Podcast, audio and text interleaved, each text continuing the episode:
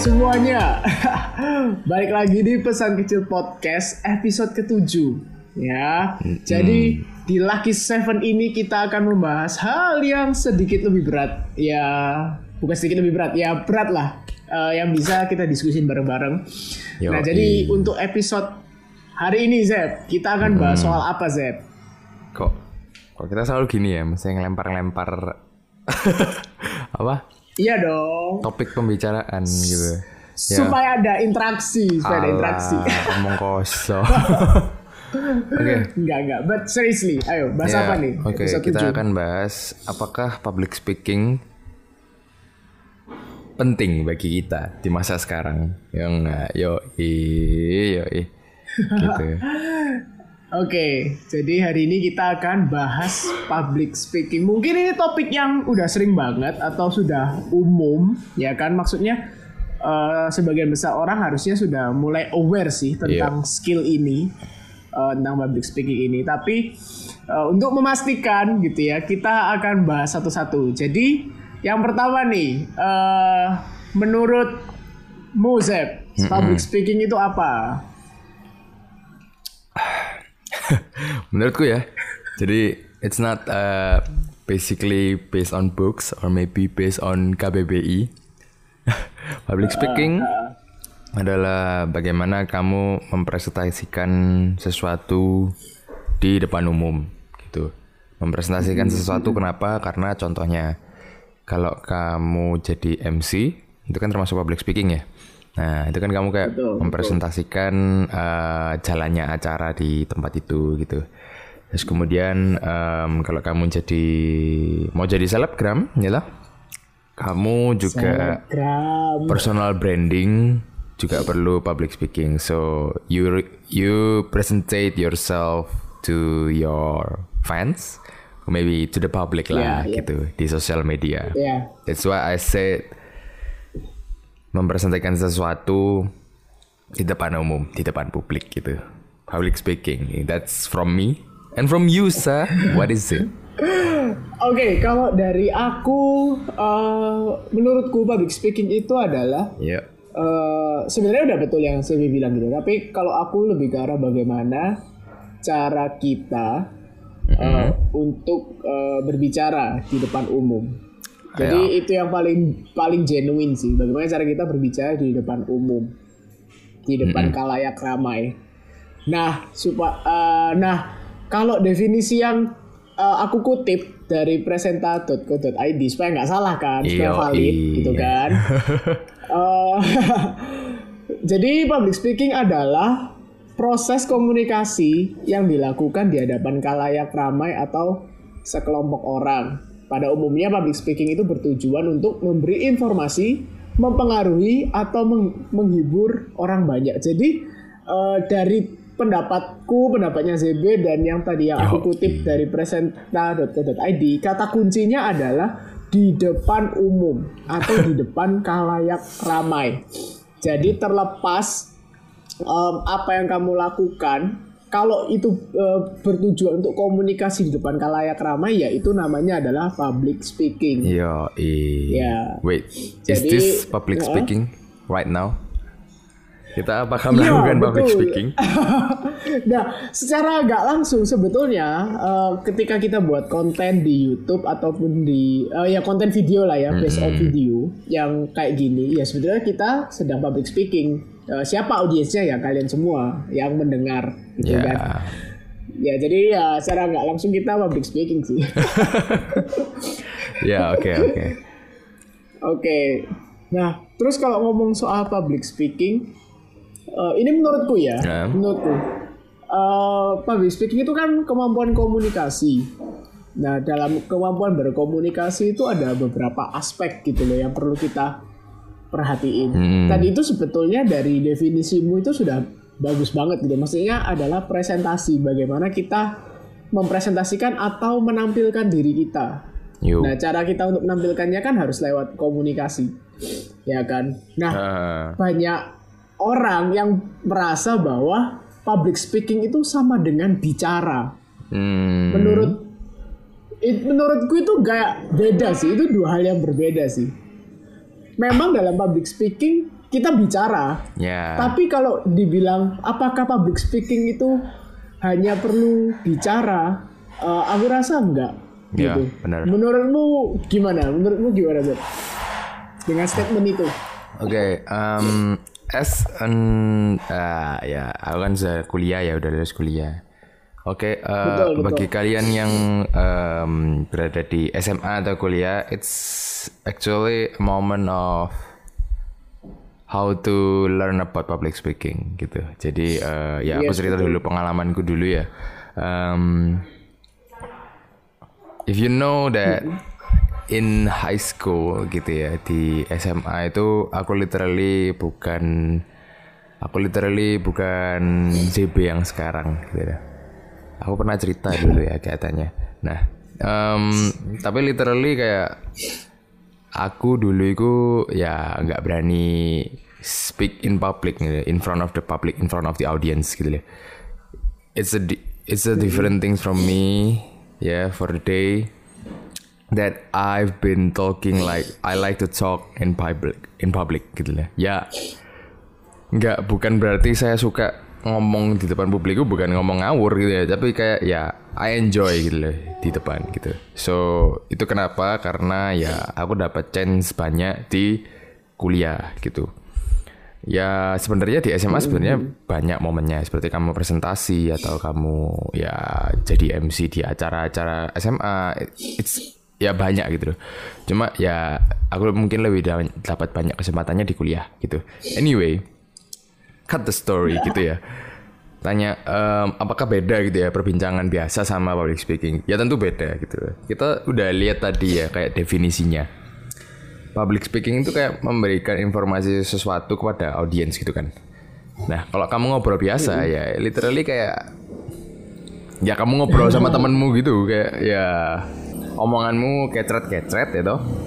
Udah gak karuan, tapi ya Apa itu wecet-wecet? ya ya gitu ya omonganmu udah gak ada intinya gitu maksudnya. Omonganmu udah gak ada intinya terus kayak ya pokoknya kamu ngobrol aja kamu ngobrol isinya ya daily lives atau mungkin curhatan gitu.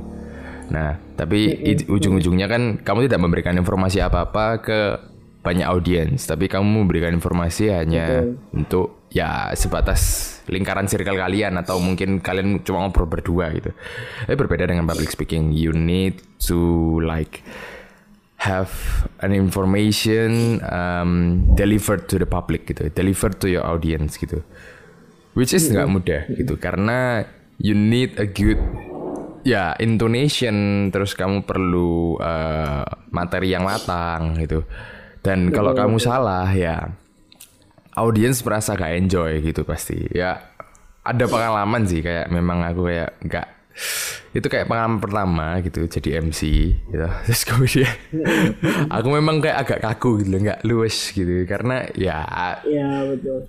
it's ya itu peng- pengalaman pertama. Terus kayak aku MC juga ya ada artis gitu juga. Ya nggak usah sebut nama tapi ya artis gitu. Cuma ya itu Wih, luwe, luwe, luwe. ah kan ya itu kan kayak tegang banget gitu. Apalagi artis Ika artis kan sudah pasti biasa nge-MC gitu loh ya. Aku pasti tegang lagi kayak pengalaman pertama terus kayak bersama artis ya. Untungnya untungnya.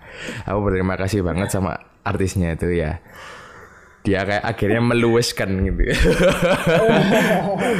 Ya Ya itu privilege, ya privilege itu lah. kayak kesempatan lah gitu loh. Kesempatan yang ya sangat jarang gitu loh. Tapi ya berdasarkan pengalamanku dan itu jawabanku sih kayak it's different gitu Beda, dari sana beda. Nah, iya jadi kan kita balikin ke definisinya ya. Ada informasi, Hmm. memberi pengaruh, ataupun menghibur. Kayak gitu. Itu dasar kerangka dasarnya. Nah, kalau ngomong eh, kalau dikaitkan hanya bicara, teman-teman, bicara itu itu kita nggak selalu harus punya tuntutan untuk seperti itu.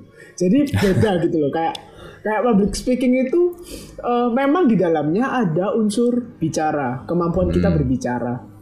Tapi bukan berarti bisa disama dengankan eh, bicara. Maksudnya sama dengan kan perbicaraan daily life. Itulah alasan kenapa kalau misalkan kalian punya teman bicara, terus kalian minta dia jadi MC, dia itu nggak selalu bisa teman-teman Yeah. karena beda Em, ketika ngomong sama teman sama circle kalian pasti kan lebih nyaman lebih luwes. Makanya eh, lebih mudah. Tapi ketika di depan umum itu beda.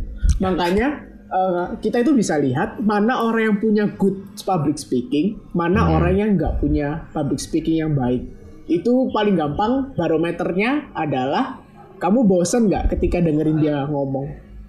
Itu hal yang paling sederhana. Iya nggak sih Zep maksudnya uh, ke- kalau orang itu nggak punya good uh, nggak punya kemampuan public speaking yang bagus pasti bosen nggak sih ketika kita dengerin audiensnya lama-lama? Atau iya nggak sih? Kalau menurutku gitu sih. Itu Um, itu tolak ukur paling gampang menurutku. Terlepas dari materi yang disampaikan loh ya. Ya tergantung ya. Kayak misalnya kayak kamu di acara kayak memang kamu jadi moderator ya it's different gitu. Tapi kalau misalnya kamu jadi MC Yeah. ya I think you don't have to listen to your audience karena kamu yang mimpin kan karena kamu yang mimpin acara, kamu yang eh, harus buat acara itu jalan ya. Itu beda Betul, betul. beda kondisi gitu. Oke, iya. Nggak maksudku yang tadi. Aku maksud itu kalau misalkan kita sebagai audiens, kan kita bisa ngelihat public speaker yang bagus sama enggak. kan. Oh. Kalau enggak itu kan kita jenuh gitu loh dengerinnya. Ya, ya. Iya nggak sih? kayak Ya, ngantuk, ya kayak apa. adalah ada ada Kecuali- unsur gitu. Kecuali kecuali kamu orang yang suka tidur. Duh. Hey, saya tahu di antara anda pasti suka tidur. Nah itu beda cerita. Itu bukan public speaking. tapi anda yang suka tidur. Nah tapi uh, cuts the, the story gitu ya. Tapi Ya. uh, public speaking itu beda. Yang pasti beda sama bicara. It takes more than just talk. Makanya nggak gampang. Betul nggak sih Zek? Maksudnya ketika kamu jadi MC pun kan nggak nggak semudah itu kan. Sebetulnya kan MC itu kan juga sudah ada kayak cue card yang ada isi harus ngo- harus apa ngomong apa aja gitu. Bukan bukan harus ngomong apa aja, tapi kayak bagian-bagian penting apa aja yang harus di mention. Tetap tetap nggak gampang kan Jack kalau kalau kalau ngomong kayak gitu. Eh, kamu tahu kayak misalnya em, di tengah-tengah misalnya kamu MC berdua ya masih untung kalau MC berdua. kalau misalnya MC sendirian itu lebih pa- parah sih. Kalau MC berdua itu at least kamu perlu buat momen kayak talking talking dialog. Nah bayangkan Ya. bayangkan itu tuh nggak ada di cue cardnya gitu sebenarnya gitu. Tapi ada yang memang kayak menetapkan cue card itu kayak obrolan gitu. Nah itu kamu yang buat sendiri sebagai MC bayangkan kamu ngobrol terus kamu buat punchline nih lah buat punchline kelucuan gitu ya. Ini nggak bicara stand up komedi nih cuma bicara tentang MC biasa. Kamu buat punchline terus ya nggak ada yang ketawa gitu. Kayak mukanya tegang semua gitu. Ya itu keringet dingin keluar semua gitu. Tapi ya mau gimana gimana move on gitu move on ya. Itu kayak apa hal-hal yang ya yang bakal kamu hadapin sih di public speaking gitu. Ya kayak gitu salah satunya. Di di cue card sendiri ya tadi. Di cue card sendiri tuh kalau kamu belum pernah megang cue card atau kamu belum pernah masuk divisi em, divisi yang backstage atau divisi em, stage performance cue card tuh cuma poin-poin gitu. Jadi kalau kamu pengen betul. baca cue card doang ya kamu cuma misalnya baca opening terus doa pembuka Betul. kata sambutan ya kamu nggak ada kayak eh, kami persilahkan untuk ketua dari acara ini ini gini gini itu nggak ada gitu. Jadi literally ya ya ya you you strive yourself in the whole event gitu ya gitu. Betul, betul. Jadi eh, ya ini kan konteksnya kan MC, tapi public speaking itu kan perlu materi kan. Nah kalau misalkan MC itu kan eh, catatan sucinya itu kan ibaratnya kan cue card. Iya. Nah tapi kalau misalkan kamu kayak eh, memimpin sebuah presentasi, sebuah meeting gitu kan, ataupun kamu jadi eh, narasumber, kan nggak mungkin kamu hanya membacakan materi tertulis. Karena materi tertulis itu adalah kayak materi mentah gitu loh yang yang which is kadang kita harus membahasakannya kembali supaya lebih dimengerti audiens Ya. Kan nggak mungkin kan kita misalkan eh, ada narasumber yang ngomong soal keuangan terus memakai istilah-istilah keuangan langsung yang kayak misalkan labor cost apa apa gitu yang maksudnya bahasa yang bener-bener nggak umum yang tidak general ya pasti audiensnya nggak akan paham. Karena ingat Iya, ya iya. teman-teman ya public speaking itu tujuannya adalah menyampaikan informasi mempengaruhi atau menghibur. Jadi itu harus sampai ke audiensnya nah kalau konteksnya MC ya audiens itu harus dapat maksudnya audiens itu harus perhatiannya ke MC gitu loh. Makanya diperlukan punchline diperlukan dialog tujuannya itu get their attention gitu loh supaya mereka ngerti oh ini habis ini ngapain? Oh acara ini setelah ini ada apa? Nah kalau misalkan cuman eh, bacain cue card konteksnya MC ini ya boring. Ya nggak akan jadi ya maksudnya acaranya nggak akan jadi Ya, ya. jadi maksudnya public speaking itu it needs more than just talk. Ya kan karena kan biasanya aku kadang suka gemes sih, Zed. Maksudnya em, aku ini kan memang orang yang yang eh, talkative ya, maksudnya banyak ngomong Ah. gitu loh. Dan itu biasanya kayak diasosiasikan, oh kamu bisa jadi MC. Padahal itu tuh different things. Tapi nyatanya kamu makanya- bisa gak? Kalau namanya terdesak ya guys ya terdesak Aduh, terdesak. pasti Why? bisa Why? Why? Why? Iya kan maksudnya the power of kepepet atau the power of terdesak ya pasti Nah. bisa bisakan maksudnya ya kan nggak mungkin kan misalkan ada di birthday party terus Yeah. tiba-tiba eh, kamu ditunjuk kamu MC ya at that time terus kamu nolak kan ya nggak mungkin Oh, gitu ya. loh ya sungkan juga lah sama orang yang hold the party Ya, oke oke oke. tapi memang kamu berani nolak ayo Loh, kalau Kan emang enggak. nggak bisa ya, ya nggak tahu ya. Ya kalau memang nggak bisa ya mending jangan gitu. tapi tapi nggak bisa dibungkiri Zep Eh, kalau misalkan ada orang ada orang yang memang punya skill public speaking yang bagus mereka selalu ready sih ya nggak sih Ya, ya pasti. Dan em, aku bisa bilang juga kalau misalnya kamu bilang kayak, oh aku nggak punya skill public speaking, em, itu bisa dilatih sebenarnya. So it's not eh, itu bukan sebuah alasan kalau kamu bilang kayak, ya aku nggak bisa ngomong di depan umum gitu. Ya, tapi em, maksudku adalah di mana kalau kamu ada di tempat umum, tempat publik, terus memang kamu kayak memang dredeg banget gitu ya. Itu memang udah kayak kondisi khusus mungkin. kayak kamu memang orangnya em, very very introvert maybe or maybe em, ya memang kamu eh, butuh latihan ekstra gitu. Karena kenapa? Em, ya kayak aku bilang tadi, aku tuh bukan orang yang tampil depan umum. Jadi literally kayak aku pertama kali jadi MC ya, semua orang kayak bingung kayak itu ZB apa bukan? kan kayak eh, stage dengan audiens kan jauh gitu loh. Terus kayak mereka kayak ngelirik aku gitu. Ya aku tahu itu mereka karena aku ngelihat dari atas kan. Terus kayak ya kenapa? Terus setelah acara selesai ya kayak di, di diomong kayak "Eh, Zip, kamu bisa MC deh. Saya kayak ya karena kebutuhan acara ya kenapa tidak gitu. Terus habis itu em, temenku bilang lagi kayak Ih, kamu kok nggak pas SMA aja kayak gini mesti kayak ya MC MC gitu ya. Mungkin I don't know like, ya mungkin chance-nya sedikit gitu karena ya pas SMA juga ya kalau kalian dengerin podcastku episode 4 ya aku itu cupu banget gitu. deh. cupu gitu. Ada kata-kata cupu ya. So you know lah uh, broadcasting people or maybe like people doing MC at my high school itu sebenarnya orang yang orang yang orang yang bisa dibilang uh, ada lagunya cool kids gitu.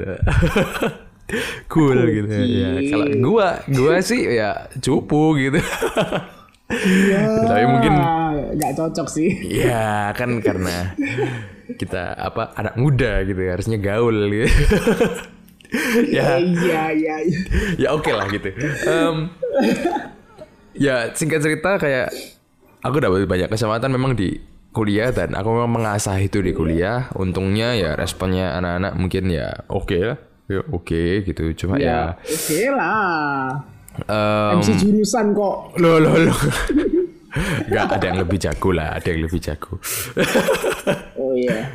Ya, but maybe yang aku mau nyampein itulah kayak itu bisa dilatih gitu loh. Jadi jangan jangan nolak kesempatan yang ada. Kayak misalnya memang kamu nggak pernah kayak kesempatan public speaking atau mungkin presentasi bukan bukan kamu yang ngomong gitu. Ya sekali sekali minta lah. Kayak aku belum pernah presentasi. betul, betul. let me try. Gitu. let, let me let me do something different. Oh betul betul jadi um, public speaking itu banyak. Uh, mungkin kalau yang kita tahu yang general itu biasanya MC tapi sebetulnya ketika kamu presentasi di kelas itu juga public speaking. Ya ya kan? Kamu kan bicara sama kelasmu. Nah cuman biasanya uh, public speaking yang buruk adalah ya kita kan bisa biasa kan bisa lihat ya present presenter uh, ketika presentasi di kelas tuh mana yang baik mana yang enggak. Nah kalau yang baik itu dia uh, bisa tahu mana informasi-informasi yang penting yang perlu di highlight yang perlu dibicarakan Nah tapi kalau presenter yang kurang baik atau yang masih belajar gitu ya, cuman baca powerpointnya, pasti pernah lah kalian pasti pernah ketemu orang-orang yang kayak gitu. Nah um, itu perlu dirubah gitu. Nah jadi selain MC, selain presenter itu juga ada PR.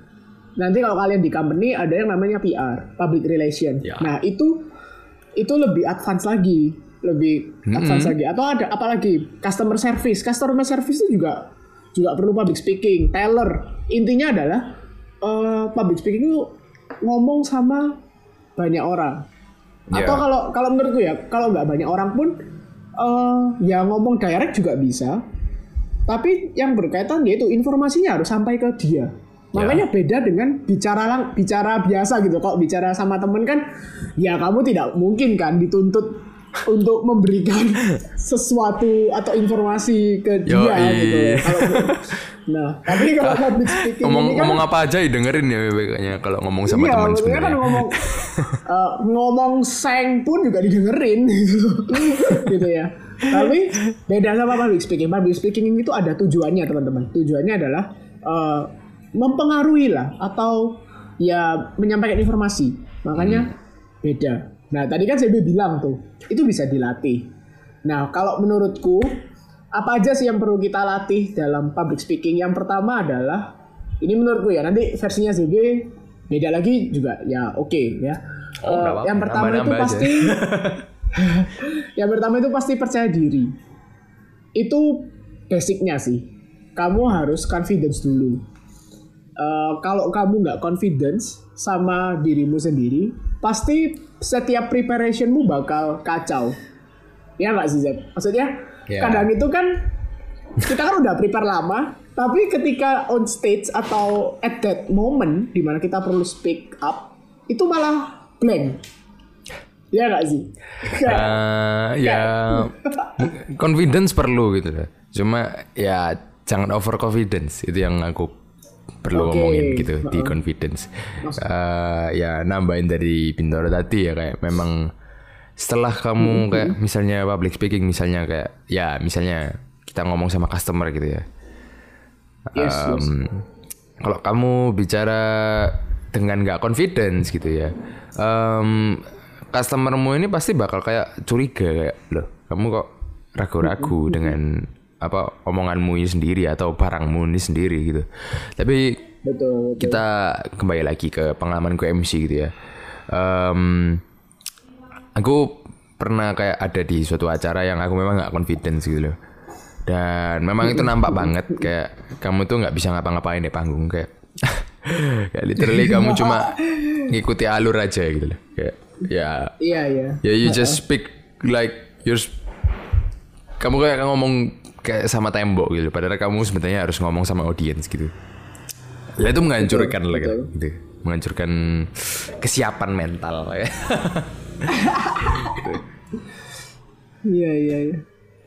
Jadi ya itu apa self confidence itu penting. Nah self confidence itu bisa kamu apa ya enhance ya, bisa kamu Iya. tingkatkan dengan apa? Ya good looking. Kalau kamu good looking kan pasti lebih confidence kan. Nah tapi kalau misalkan kamu sudah good looking dan nggak confidence, eh, kamu harus banyak tampil sih di depan orang.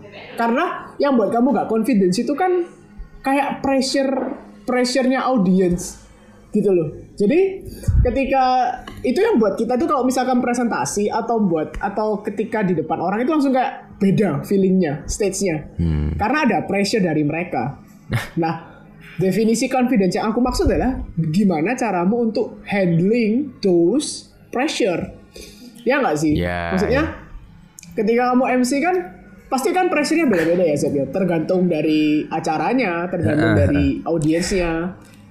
Ya nggak sih? Maksudnya Um, mm, mm, kalau um, kan ada gitu loh kayak acara anak-anak muda sama acara yang yang datang itu kayak ya bukan diomong tua-tua lah ya, maksudnya lebih berwibawa berwibawa gitu. Ya itu pasti beda gitu. Kayak misalnya eh, di anak muda kamu ngelucu lebih banyak ketawanya gitu. ya, ya, betul. Kalau dengan orang-orang tua ya, ya sorry aja gitu. Kamu ngelucu ya dia kadang nggak connect sama kita karena mungkin beda generasi gitu loh.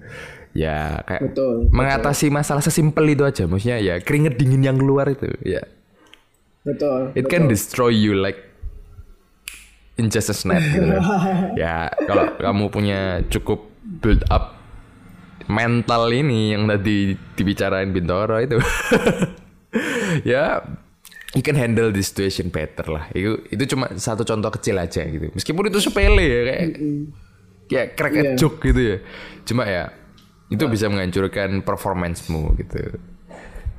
Betul. Betul, makanya build up confidence itu penting. Nah, itu eh, nyambung sama yang tadi si barusan bilang. Yang kedua yang perlu kamu eh, Oh. siapkan dalam public speaking yang bagus adalah always know your audience. Wah. Selalu harus kalian harus tahu nih, kalian lagi em, ngobrol atau kalian lagi deliver materi kalian tuh ke siapa. ya. Karena perbedaan usia, perbedaan latar belakang pasti sangat berpengaruh. Itu yang tadi Zebi bilang, kalau misalkan sama orang yang lebih senior, nggak mungkin dong kita bawaannya itu kayak apa ya, selengean apa ya selengean itu kayak Selengean. kayak apa ya selengean itu kayak gimana ya? Ya kayak Oh, bercandaan lah, banyak bercandanya gitu.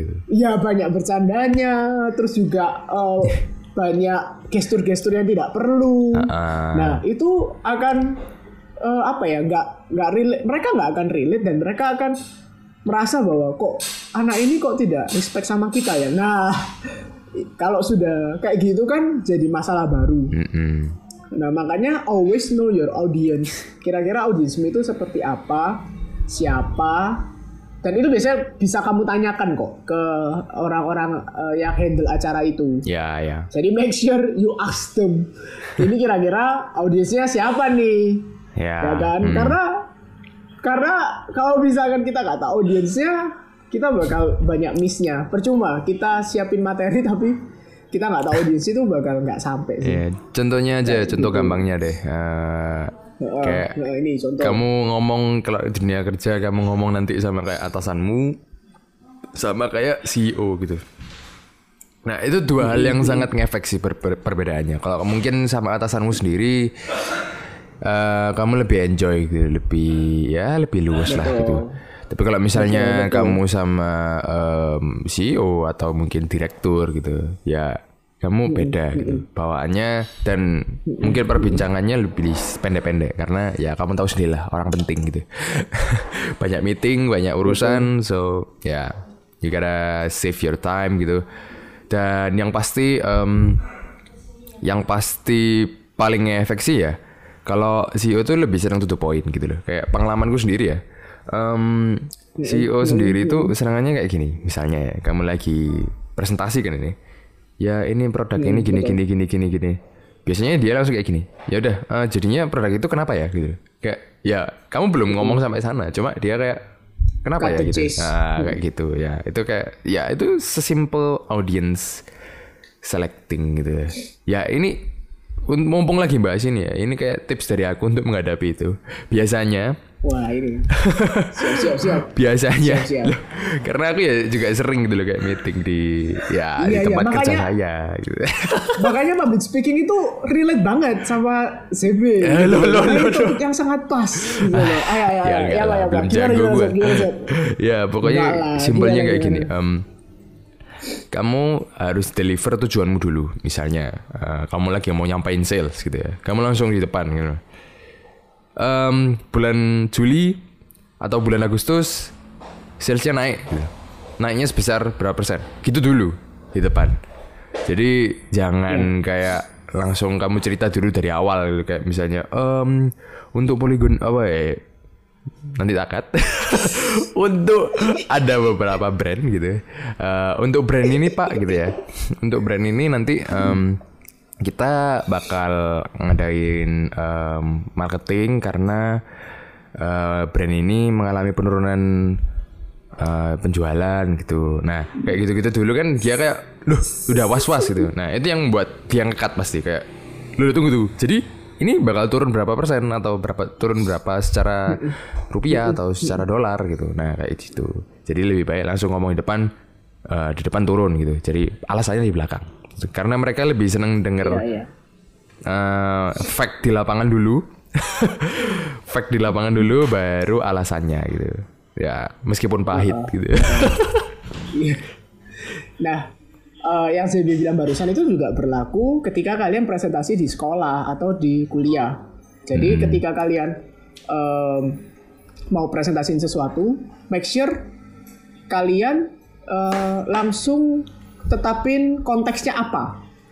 Jadi mereka bisa fokus gitu loh. Jadi yang ta- tadi contohnya jadi kan, oh ini produk ini mengalami penurunan.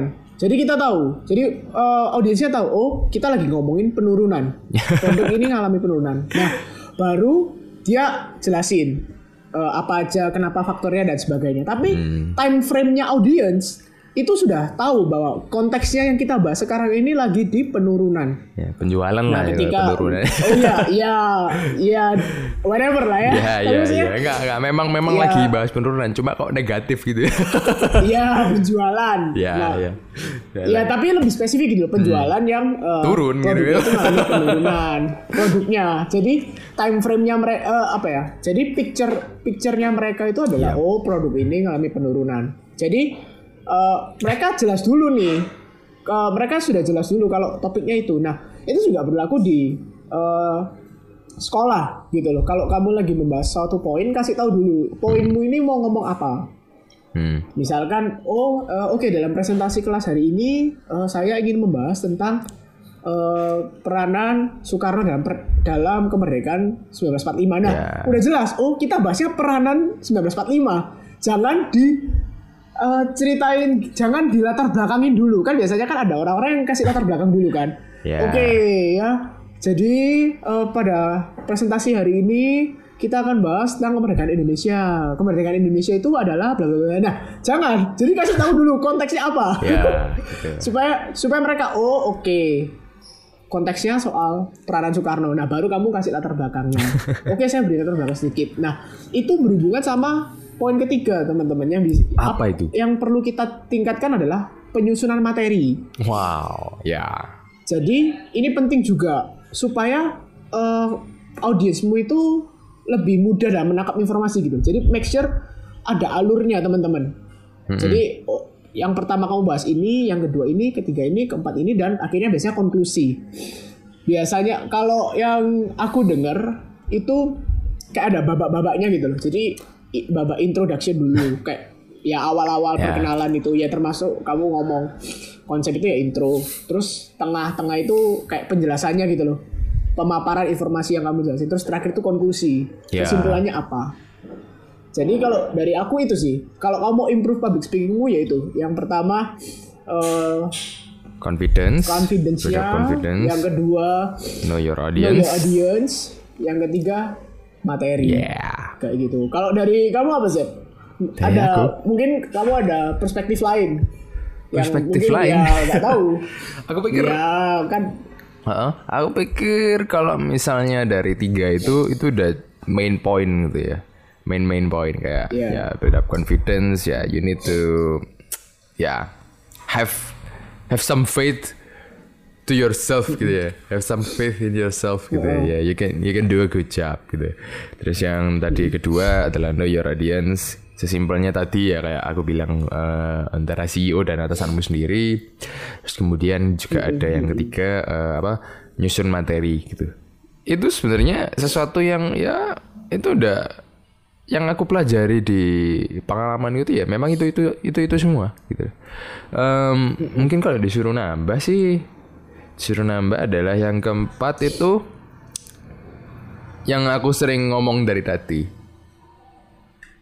Have every chance to improve yourself gitu loh. Maksudnya kamu tuh ambil semua kesempatan yang ada di luar buat uh, improve gitu.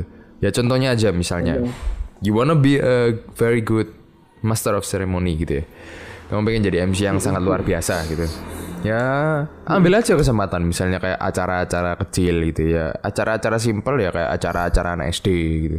Atau mungkin acara-acara di panti-panti asuhan atau apa kegiatan sosial meskipun audiensnya kecil tapi you know you have every chance like out there to improve yourself gitu. Kayak memang di setiap kesempatan kamu melakukan itu maksudnya kamu kayak misalnya presentasi atau kamu misalnya public speaking berupa MC atau mungkin kamu jalani radio atau mungkin bahkan podcast ini gitu ya pasti ada rasa kayak kecewa Iya gitu deh. Pasti ada rasa kecewa gitu ya dan rasa kecewa itu ya kamu bisa reimburse-nya di kesempatan selanjutnya gitu loh. Nah kalau kamu nggak ngambil kesempatan yang ada ya kamu nggak bisa memperbaiki dong nah kayak gitu. Jadi ya di kuliah sih waktu aku ya hobi-hobi ya kok, kok ngomong hobi gitu ya. Tapi ya memang kayak hobi nge-MC gitu. Ya waktu itu kayak literally memang aku kayak sering kecewa gitu. Kayak oh kenapa aku nggak melakukan hal ini? Kenapa aku nggak melakukan hal itu? Gitu ya. Dan akhirnya aku reimburse-nya di acara selanjutnya gitu. Nah itu mungkin tambah terakhir ya gitu. Mungkin ya memang sudah pas gitu ya confidence just know your audience build your material and terakhir ya grab every chance gitu ya, itu dari aku sih Tuh, mungkin yang keempat itu bahasa sederhananya practice with perfect. Oh, iya, Harus iya. banyak praktek kan. yo Maksudnya kan practice perfect eh, percuma gitu loh kita kita tahu apa yang harus kita bangun tapi kita nggak pernah punya kesempatan untuk praktek. Ya namanya praktek ya pasti awal-awal ya jelek. Maksudnya eh, jangan lihat gini. Kalau aku selalu ngomong sama orang-orang yang belajar gitu ya. Jangan lihat orang hebat itu yang punya good public speaking skillnya itu sekarang. ya Jangan benar. lihat sekarangnya karena itu hasil dari mereka udah lama gitu loh. Hasil mereka belajar dan segala macamnya. Tapi lihatlah eh, kalau dulu itu mereka startnya sama loh. Eh, even aku pun bisa ngomong kayak gini tuh karena karena sebenarnya dipaksa sih waktu kelas 3 SMA itu kayak uh bener-bener iya. Jadi kayak jadi dulu jadi dulu itu aku nggak aku juga kan aku sebenarnya kan minder. Aku sudah pernah bahas ini di bagian insecure di podcast Iya, kita episode insecure. So make sure you listen gitu ya. Wow. Eh, aku kan minder. Nah itu juga ngaruh di eh, public ya speaking poin dulu. pertama Jadi tadi kan kayak- confidence. Iya, jadi kayak aku dulu itu selalu ya ini buat kalian juga kalau presentasi suka pilih urutan terakhir itu pasti kalian kan sebenarnya kan juga nggak nggak pede kan. Nah sampai satu titik aku waktu SMA eh, kelas 2 mungkin ya, aku selalu mulai de- eh sorry SMP kelas 3 berarti. Sorry ya SMP kelas 3 aku mulai berubah gitu mindsetku. Aku selalu presentasi harus nomor 1 sampai 3 itu harus. Nah, karena waktu itu yang di pikiranku adalah kalau aku presentasi di awal, aku yang set standarnya. Jadi standar bagus jeleknya itu aku yang set. Ya kan? Itu kan konsekuensi kalau kalian pilih presentasi terakhir kan. Pasti kan kayak astaga si ini bagus ya. Ya, si ini ya. si ini keren ya. Nah, akhirnya lebih susah untuk dapat nilai yang lebih tinggi. Nah, aku berangkat dari pemikiran kayak gitu. Nah, secara nggak langsung ternyata dari pemikiran kayak gitu itu bener-bener membantu aku untuk yaitu ngatasi rasa grogi. Karena lama-lama kalian akan kebal kok pressure-nya. Jadi kayak jadi kayak oh siapa yang mau tampil pertama? Saya, Bu. Nah, itu akan lama-lama Wow. akan kebal. Jadi di jadi di depan kelas kalian tahu gitu loh. uh, apa yang kalian akan bicarakan karena kan udah pede. Nah, itu itu mungkin ada itu berhubungan sama tambahanku Z poin kelima. Jadi Duh. diganjilkan lagi ya kelima. Ya. Lebih banyak banyak banyaklah kalau menurutku ya baca buku atau membaca lah. Supaya apa? Supaya otak kita itu terbiasa memikirkan kata-kata yang cepat. Jadi kan uh, ada momen di mana mungkin uh, kamu ketika public speaking itu gak sesuai materi. Atau Ya. ada pertanyaan audiens atau ada interupsi yang mungkin kamu gak prepare. Nah, kalau kamu perbendaran katamu banyak di kepala dan dan itu cepat gaya pikirmu cepat untuk mengeluarkannya, itu akan sangat membantu. Ya. Jadi kayak jadi kayak eh, apa ya? Ya intinya itu itu butuh perbendaran kata yang banyak gitu loh. Hmm. Makanya selain latihan kamu juga perlu baca. Jadi supaya eh, otakmu terbiasa oh mm, lihat kata-kata gitu loh. Lihat kata-kata akhirnya cepet gitu loh. Ketika ketika hal itu terjadi langsung cepet keluar kalimatnya, langsung cepet keluar Yeah. sanggahnya. Itu sih itu menurutku juga penting sih sebenarnya. Um, Kadang-kadang ya apa ya? menambahkan dari ya tadi kamu bilang kayak baca buku ya. Em, yang aku tahu ya kayak Eminem itu baca kamus setiap hari. ya you know, uh, rappers gitu. Kayak rap rappers kan dia butuh kalimat-kalimat atau kata-kata yang vocab susah gitu kadang. Dan juga eh, mereka butuh rhyme gitu, rhyme, rhyme, Brit. Rhyme apa ya? apa itu rhyme? Aku tidak tahu. Kayak misalnya kayak pantun loh, jalan-jalan ke pasar gitu. Oh, Jangan iya, lupa iya. beli Ada pisang, format-format tertentu. Ayo, mari kita jalan-jalan ke Jabar. Hmm. kita ya gitulah pokoknya kayak belakangnya harus sama gitu loh. Dan kalau misalnya Iya, iya. kayak kosakatamu sedikit kan berarti em, ya nggak bisa buat rhyme itu gitu. Ya itu untuk rap gitu. Tapi untuk yang untuk eh, public speaking kenapa kamu harus eh, banyak membaca? Soalnya ya aku nggak tahu ya kalau konsep membaca kan berarti kamu berbicara dalam hati gitu kan. Ya loh.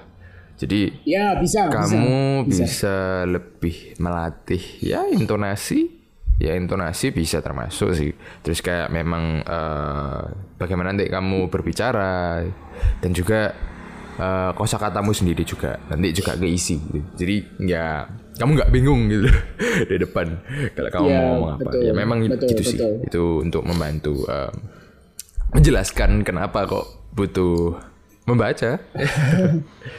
Ya, ya mungkin maksudnya membaca itu nggak nggak terba nggak nggak hanya terkotak dari buku lah ya, tapi nah eh, mungkin membaca dan mendengar lah ya. Kamu lihat movie pun juga bisa sih betulnya. Kamu lihat movie, kamu lihat film, kamu Ya. dengerin lagu.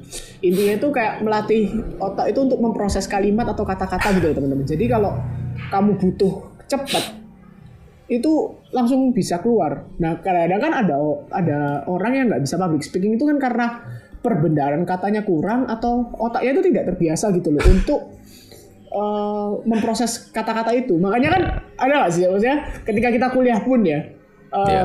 jujur jujur pasti ada masa di mana kita itu nggak tahu jawabannya gitu loh. Ketika Pastilah. ditanya itu nggak nggak tahu jawabannya teman-teman.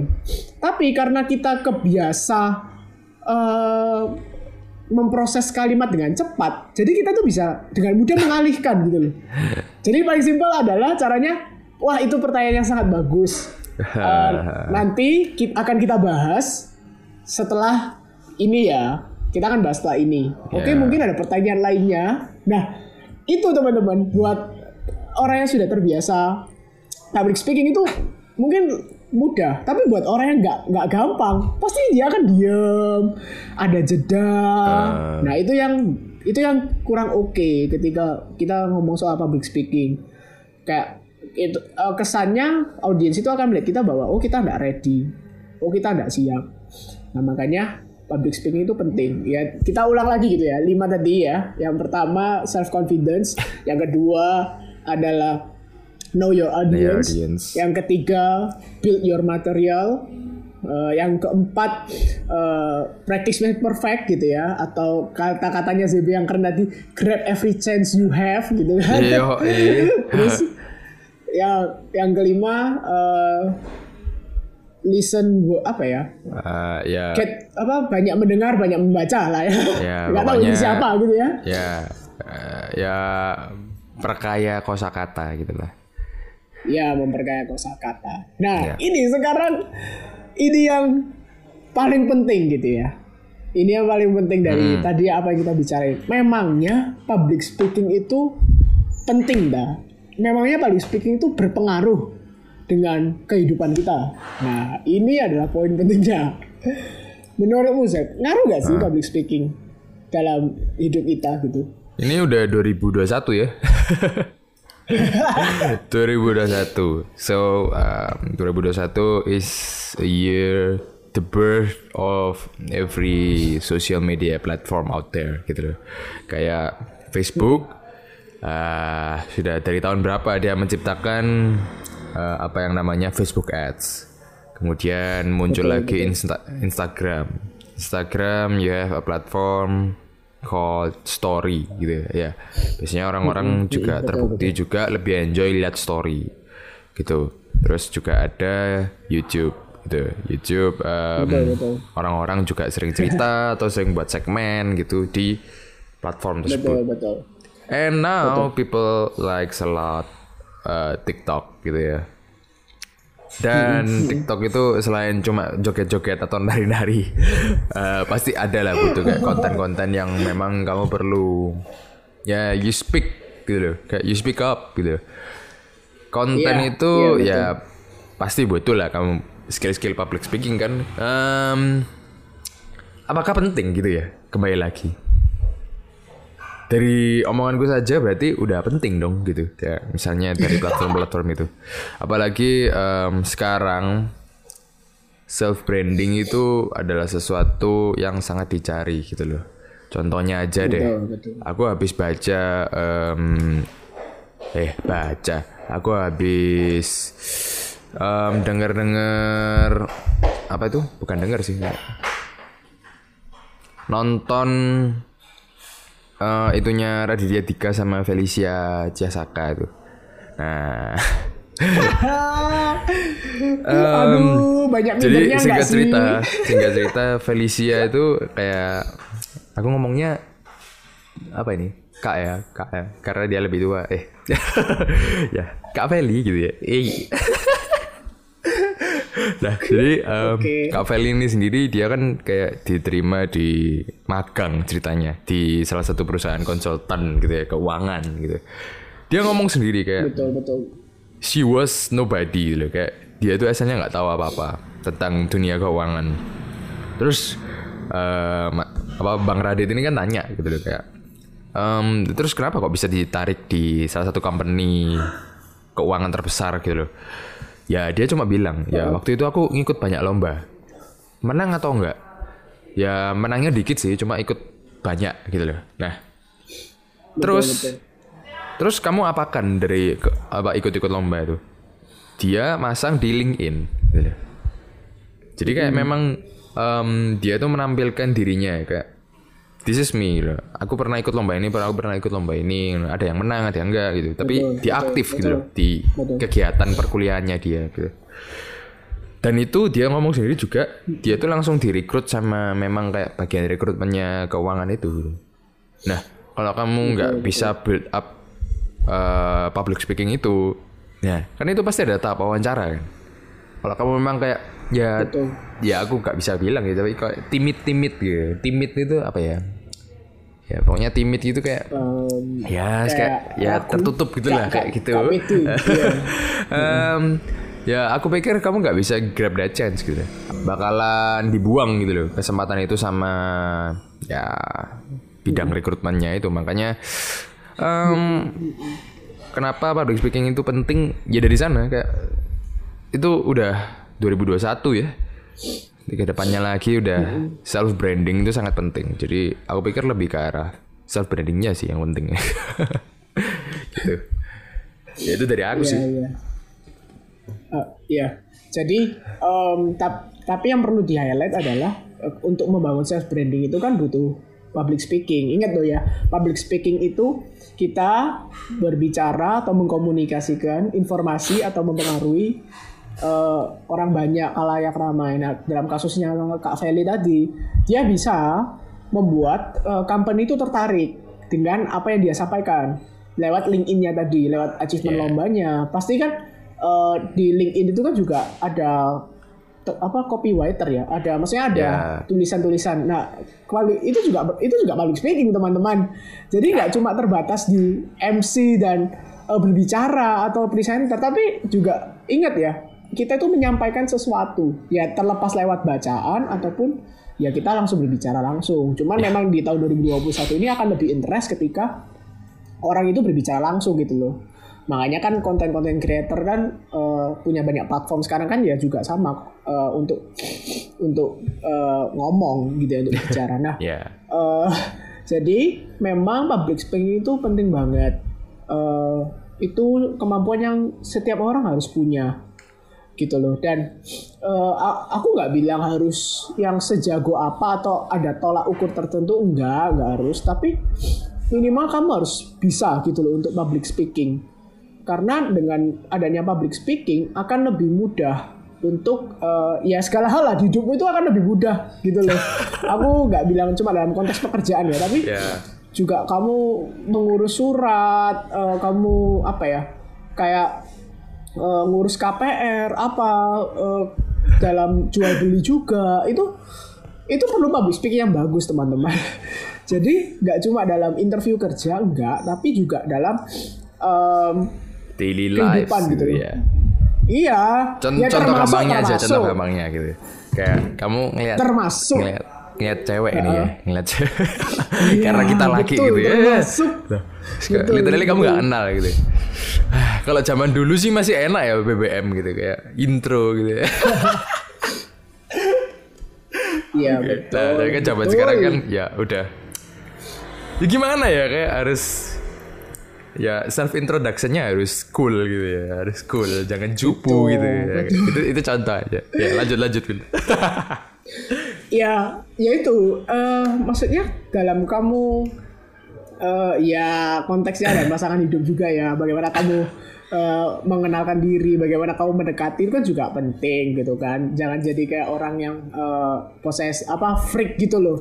Nah makanya public speaking itu penting gitu loh. Dalam public speaking itu kan tadi aku bilang materi materi itu juga kamu dalam memilih kata-kata gitu make sure kata-kata yang kamu keluarkan itu em, tepat gitu ya. Karena kalau misalkan kata-katanya nggak tepat mungkin em, arti yang diterima audiens itu beda. Nah makanya public speaking itu kemampuan yang penting. So you need to have it gitu ya. Em, dilatih itu perlu banget latihan. Dan ya apa ya intinya harus mau sih. Mau mau belajar lah. Kalau kamu nggak mau belajar ya ya susah. Intinya harus mau belajar jadi ya mungkin itu ya Zed ya podcast kita ya. Ya. Soal public speaking. Ya pokoknya em, kalau dari diri kita yang masih ngomong belum belum bisa ya yang penting belum. Jangan bilang nggak bisa gitu. Iya that's betul that's from me gitu ya. Ya masih udah terbukti gitu ya maksudnya. Gua dulu cupu gitu ya. Ya itu juga ya kalian dengar podcast eh, episode semua episode ini kan juga saksi buta gitu loh Boleh, bagaimana boleh. orang yang introvert bagaimana orang yang cupu bisa bawain podcast maksudnya bisa ngomong ya aku nggak bilang skill kita bagus dan Ya. perfect gitu loh ya enggak tapi minimal we know that eh, kita bisa gitu loh untuk ngomong dan untuk sekedar Bahkan- di, di tahap podcast ini bisa bahkan kalau misalnya kita em, buat episode terus ini kan ya kita improve ourselves better ya betul grab that chance dari- yes Betul, maksudnya dari dari intonasi, dari cara bicara, dari bahasa. Pembawaan please materi bear with itu us juga. gitu ya. Ya, please bear with us kalau misalkan ada ketidaksempurnaan, ya tolong tolong bertahanlah. Tapi Yoi. uh, in the end, in the end, Hmm. uh, yang penting adalah practice makes perfect. Percuma kita udah build up materi, kita udah siapin confidence gitu kan, kita udah uh, tahu audience gitu kan, kita Iya. udah tahu teorinya, oh harus banyak baca, harus banyak dengerin, tapi kalau kita nggak pernah praktek, so ya intinya banyak praktek, banyak ngomong uh, di depan banyak orang, banyak ngomong sama dirimu di cermin juga itu juga bisa. Ya intinya banyak komunikasi lah, banyak nulis juga gitu kan, manfaatin. Nulis itu jangan cuman curhat, Loh, tulis, tulis yang berisi dan berbobot teman-teman. Di lah atau di mana? Ya karena ya itu prak itu praktikal kita gitu loh, percayalah. Dari Ya. situ nanti ya ada momen di mana eh, ada momen di mana ya kamu bisa dapat kesempatan itu gitu dari apa yang kamu build up. Tapi kalau kamu nggak pernah build up, gimana caranya kamu bisa grab the chance atau grab the opportunity kayak gitu. So I think that's all for us. Ya. Ya. Eh, bye. Kok canggung gitu? ya, ya, kita ulang, kita ulang, kita ulang teman-teman. Kita ulang, kita ulang. Kita Jadi, ulang, gitu. oke, that's all from us. Yeah. Eh, Bintoro NZB sign out. Peace. Lu aduh.